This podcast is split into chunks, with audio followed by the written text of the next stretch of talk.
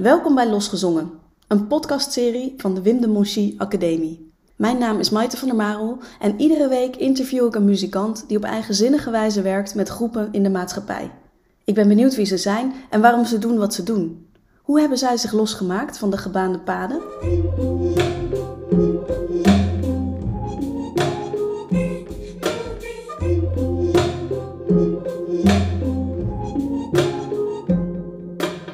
Spreek ik met Rohan Poldervaart, koordirigent en muziekdocent. Een aantal jaar geleden startte hij een groot zangproject op VMBO-scholen rondom Utrecht om jongeren een stem te geven. Hij stuitte op veel weerstand. Noodgedwongen moest hij zijn aanpak omgooien om aan vertrouwen te winnen bij deze jongeren. Hoe heeft dit zijn visie veranderd en wat is zijn sleutel tot succes? Hey, um, kun je eens beginnen met een um, introductie van jezelf? Wie is Rohan Poldervaart en wat doe je allemaal? Rohan Poldervaart, ik ben geadopteerd uit Sri Lanka. Uh, woon sinds uh, acht weken in, uh, in Nederland. Ik ben inmiddels 33 jaar, toekomstig vader in juli. Ik heb conservatoriumopleiding docent muziek gedaan. En daarna ben ik gaan doorstuderen in de koormuziek, koordirectie. En ik probeer nu de vertaalslag te maken vanuit het korische, het sprekende, het taalkundige, het, het je stem laten horen uh, naar het VMBO, basiskader en praktijkonderwijs. En jij noemt eigenlijk als eerste dat je geadopteerd bent. Is dat een thema wat ook jou verbindt met je werk? ja, zeker. Ik zet me graag in voor, ja, voor, voor de samenleving op heel veel verschillende manieren. Ik denk dat er ook veel ongelijkheid in de samenleving uh, is. En ik, ik heb zelf gemerkt dat, uh, nou ja, dat je als je gestimuleerd wordt in, um, in, je, in je ontwikkeling op, eh, vanuit het onderwijs, dat je op heel veel verschillende plekken terecht kan komen. En ik zie zoveel potentieel talent, zoveel potentieel talent op scholen rondlopen, waarvan ik denk, daar moet iets mee gedaan worden. En dat doe ik dan vanuit een kunstvakperspectief. Heb je daar zelf, ben je er tegen aangelopen dat dat voor jou niet beschikbaar was? Of dat, dat je daar een andere uh, benadering in hebt ervaren? Nou, niet zozeer. Ik heb er zelf niet veel last aan, uh, aan ervaren. Maar ik kan me dus heel goed inleven in hoe het is om anders te zijn ten opzichte van uh, het merendeel van Nederland. En daarin merk je gewoon heel sterk dat uh, als je daar eenmaal gevoel en oog voor ontwikkelt, dat dat ook gaat bepalen hoe je werkt. En, en ik heb gewoon nu door de jaren heen gemerkt dat onderwijsstuk, dat dat dus zo belangrijk is om het daar met elkaar over te hebben. En dat dat ook, ook oké is. En kun je eens een schets geven van wat je tegenkomt in het onderwijs? Ja, nou, als, als voorbeeldje, als we kijken naar, uh, naar, naar het werk van vocal statements in de klas, in het VMBO-onderwijs, dan zie je dat daar uh, veel kinderen zitten met een culturele diverse achtergrond. En uh, daartegenover staat een onderwijsstelsel dat we jaren geleden ontwikkeld hebben, dat gericht is op de docent vertelt de leerling wat hij moet leren. De leerling reproduceert en levert af. Vervolgens uh, gaan ze een bedrijf in en gaan ze nog meer afleveren en dan draagt dat bij aan een uh, bruto nationaal product. En ik wil veel meer naar het onderwijs dat gaat, vanuit, gaat over interesse, interesse in elkaar, Um, namelijk, er loopt zoveel talent en, en, en zoveel prachtige culturen rond in de wereld. En als wij die kunnen erkennen en herkennen, kunnen we daar juist heel veel um, inspiratie uit krijgen. En wat doe jij dan precies als je daar de klas in gaat? Ja, dat is altijd uh, een leuke vraag. Van wat is de eerste stap? Hè? Nou, als voorbeeldje, kijk, ik kom van een conservatoriumopleiding. Dus opleidingen zitten vaak in elkaar als, als doelstellingen. Hè? Van je, je, je gaat iets studeren en vervolgens uh, over een uur kunnen, kan een groep daar zijn. Ik heb gewoon zo sterk gemerkt dat uh, het duwen van deze processen altijd in je nadeel werkt. Je wil eigenlijk, in de basis wil ik dat leerlingen bij de deur staan te trappelen en zeggen: Meester, wanneer gaan we beginnen? Als ik het heb over kunstvak. Dus dan heb ik het over uh, beeldende kunst, over drama, theater en muziek. En op het moment dat dat niet gebeurt, zijn er dus andere factoren waardoor uh, jongeren niet mee kunnen. En dat heeft te maken met groepsdynamiek, zelfverzekerdheid gewoon van de leerling, van het individu. Dat heeft te maken uh, met de lesstof die wordt aangeboden. Maar eigenlijk gaat het continu over de vraag: kan ik als docent op de juiste wijze faciliteren? Hoe je start in zo'n klas voor mij is eerst is iets over mezelf vertellen en dan vanuit oprechte interesse gaan doorvragen naar de kinderen. Vaak neem je helemaal niet de tijd om dat soort gesprekken met elkaar aan te gaan en daardoor wordt een samenwerking, want zo zie ik het dan in de klas, wordt dan ook ingewikkeld omdat jongeren denken: ik weet niet precies wie ik hier voor me heb. Ik leer jou niet kennen, maar jij toont ook geen interesse in mij. Dus wat kom je hier dan precies doen? En ik denk dat dus het begint met die relatie en vervolgens kun je jongeren uitdagen, maar ook uitnodigen om mee te gaan naar een wereld die jij, die jij misschien heel bijzonder vindt, maar zij nog niet. En dat is dus eigenlijk op ooghoogte komen met die leerling. Um, waarom is dat zo, zo moeilijk voor docenten dan? Kijk, het heeft echt te maken met naar jezelf durven kijken. Kun jij als docent erkennen dat je misschien dingen niet zo goed kunt of dingen niet zo goed kunt zien? Het zintuigelijke werken, wat ik zo belangrijk vind, is iets wat op de achtergrond is geraakt door de, uh, de afgelopen jaren. Namelijk, we zijn zo op het hoofd gericht. Iedereen moet hoger en hoger worden opgeleid. Maar dat betekent dat juist het kijken naar een groep, het voelen van een groep, het geprikkeld raken door een, een, een moment in de klas waardoor je denkt, hey, deze richting had ik helemaal niet zien aankomen. Dat soort momentopnames, die zijn op de achtergrond geraakt, want we moeten werken vanuit een doelstelling. Ze moeten op tijd dat curriculum af en we moeten naar het einde toe. We zijn dus zo gericht op die doelstellingen, maar je moet jezelf eerst ook uh, kunnen blootgeven voor zo'n klas je moet iets over jezelf kunnen vertellen, maar zij moeten dus het gevoel hebben dat, dat, dat er echt contact is. En uh, waarom we dat moeilijk vinden, is we zijn continu bezig geweest met stof en met doelstelling. En niet bezig met onszelf, ons eigen verhaal.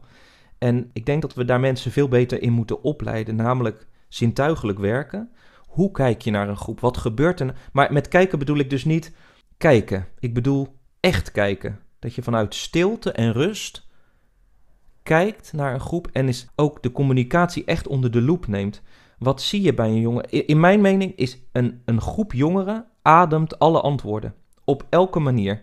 Je hoeft niet uh, continu daarnaar te vragen, want je ziet het aan de ogen. Je ziet het wanneer ze geïnspireerd zijn. Je ziet het wanneer ze met energie rechtop gaan zitten. Maar dat zijn details waar je voor open moet staan. Ja, dat, dat moeten we nu gaan, uh, onderwijzen op uh, verschillende plekken. En is dat moment dat die leerling dan dus geïnspireerd raakt en gaat stralen en rechtop gaat zitten voor jou het startpunt? Waarvanuit er iets uh, verder gaat ontstaan of ontwikkelen? Of hoe, hoe gaat het dan verder? Nou ja, kijk, ik denk dat we heel veel dingen invullen op basis van aannames en gedachten. Hè? Dus als jij voor een klas staat die uh, in onze ogen onrustig zou zijn, dan kun jij natuurlijk denken: wat een onrustige klas, ze zijn niet opgevoed. Of deze kinderen hebben een slechte opvoeding gehad. Maar hoe die jongeren in de klas zitten, dat heeft zoveel meer achtergrond en context nodig. Dus wat hebben ze hier aan vooraf gehad in de les? Uh, hoe komen ze vanuit huis uit? Hebben ze goed gegeten? Uh, sporten ze eigenlijk? Kijken ze uit naar deze les? Misschien kijken ze inhoudelijk uit naar de les, maar hebben ze gewoon geen contact met mij als mens? Dus er zijn zoveel factoren die maken dat dat kan gaan schuiven. Ja, je zei eigenlijk ook heel mooi, het begint eigenlijk ook met een soort zelfinzicht. Hè? Dus je kwetsbaarheden durven aankijken en zien en ook die durven blootgeven. Uh, op welk moment in jouw leven heb jij dat kantelpunt ervaren? Dat je daar naar ging kijken en dat je dat hebt ingezet? Dat is eigenlijk pas de afgelopen jaren sinds ik bij Vocal Statements werk. Omdat ik namelijk met die conservatoriumopleidingen voelde ik me heel erg, um, hoe zeg je dat? Ik denk nou, ik heb al mijn papieren binnen, nu kunnen we lekker aan de slag. Maar het feit dat ik het niet kon inzetten op de scholen, was voor mij het bewijs dat ik dacht, het gaat over iets anders. Want wat gebeurde er als je naar die scholen ging? nou ja, ik, ik, ik, nam mijn materiaal mee. En ik, eigenlijk zei ik gewoon als docent: ik heb materiaal en jullie gaan dat doen. En ik merkte gewoon de weerstand, de. Nou, eigenlijk de, de terechte vraag: waarom dan, meester? Waarom zingen we eigenlijk? En dan moet je dus gewoon, dat is de spiegel voor. Shit, ja, waarom doen we dit eigenlijk? Dus dan moet je gaan doorvragen aan jezelf: waarom vind ik het belangrijk dat jij gaat zingen? Überhaupt. En uiteindelijk kom ik gewoon uit op Zingen is net als spreken een fundamenteel goed waarmee je je verstaanbaar kan maken in de maatschappij. Als jij straks een sollicitatiegesprek hebt, als jij uh, ruzie hebt met je broer, je zult altijd je stem moeten gebruiken om daar samen uit te komen. Dus het onderhoud van die stem is ontzettend belangrijk en dat kun je trainen door middel van zingen. Dus inmiddels zie ik zingen als het middel om uh, contact met elkaar te krijgen. Kun je eens een voorbeeld noemen van iets wat jou verrast heeft bij een jongere? Nou, één situatie die gelijk in mijn hoofd opkomt was het Trajectum College. We hadden een, uh, een afsluiting en ik trakteerde uh, marsjes uh, en snickers, die had ik gekocht. En aan het einde komt zo'n jochie naar me toe en die, die zegt, en iedereen was al weg en hij zegt, meester mag ik er nog een paar? En ik vond dat gewoon asociaal. Dus ik, ik reageerde heel natuurlijk, soort van, ik heb je net iets gegeven en dan ga je nu nog meer vragen van me. Dat is niet echt netjes, dus dat wilde ik soort verwoorden. En toen liep hij dus uh, weg, want ik zei van nou, volgens mij heb je wel uh, even genoeg gehad. Hij liep weg en toen zei die docent tegen mij van... Uh, Rohan, deze jongen, die, deze, deze jongen komt uit een gezin en ze zijn met veel kinderen. En wat hij dan doet, dan vraagt hij nog wat extra, want dan neemt hij het mee voor thuis. Want ze hebben het daar niet zo breed. Ik voelde me zo schuldig in de gedachte dat ik niet goed heb doorgevraagd, maar ook niet goed gekeken heb. Want eigenlijk die jongen vertrouwde ik helemaal. Hele zachtaardige, vriendelijke jongen. Maar blijkbaar ging ik uit wantrouwen, had ik hem eigenlijk al een oordeel gegeven van... Ja, jij gaat hier gewoon alleen op zitten eten op de trap, lekker yum yum. Maar uiteindelijk was het dus een oprechte intentie van hem om dat anders te doen. Maar dan vind ik het dus eigenlijk kwalijk dat ik als docent niet op de juiste wijze heb gekeken en geluisterd naar hoe hij dat heeft gevraagd en hoe hij zich opstelde. Gelukkig kon ik hem daarna nog aan zijn jas trekken. En ik heb gewoon die hele zak in zijn uh, rugzak gedaan. Omdat ik nu wist waar het vandaan kwam. Maar het gaat mij erom dat als je namelijk de tijd en rust neemt om iemand echt te leren kennen. En even de tijd neemt, goh, waarom vraag je dat? Dan had ik dat gewoon kunnen ondervangen. En had hij gewoon gezegd, ja, dat is voor mijn broertjes. En dan hadden we een ander gesprek gehad. Daarin zie je dus de tijd en de rust om echt te kijken en te luisteren.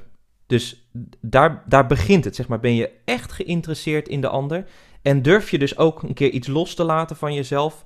Van ik heb dit in mijn planning staan, ik laat het helemaal los, maar ik ga toch met jou mee. We gaan het hebben over, goh, wat vertel je nou eigenlijk? Kijk, in de basis zou je ook kunnen denken, iedereen heeft het goed recht om iets totaal niet interessant te vinden. dus uh, dat vergeten we ook wel eens gewoon, dat wij, als je zelf gedreven bent in iets, ik vind die vocale muziek heel belangrijk. Maar ik weet nog dat een jongen een keer tegen mij zei: Maar ik vind kickboksen gewoon super gaaf. En dit interesseert me gewoon niet. En toen dacht ik: Toen zei ik, nou, snap ik. Maar dan willen we toch via het onderwijs willen we iets in iemands gezicht drukken. Gewoon dat we dat belangrijk vinden voor jou. Maar daarin zit ook alweer die hiërarchie. dat, je, dat je zegt als docent: Ik vind dat belangrijk voor jou. Maar we moeten dat gesprek ook eens omdraaien. Wat vind jij nou belangrijk voor jezelf? Of wat vind jij belangrijk voor mij? Nou, meester, ik zou het wel tof vinden als u eens een keer een beetje Arabisch gaat leren. Oei, oei, oei. En dat je dan thuis komt en tegen je vrouw zegt: Nou, ik ben even met de neus op de feiten gedrukt. Ik werk al jaren daar. Kan het niet. En laten we daar eens beginnen. Of, of bijvoorbeeld dat je een klas binnenloopt en zegt: Jee, wat een, uh, wat een ontzettend drukke klas zeg. Wat, wat gebeurt hier allemaal?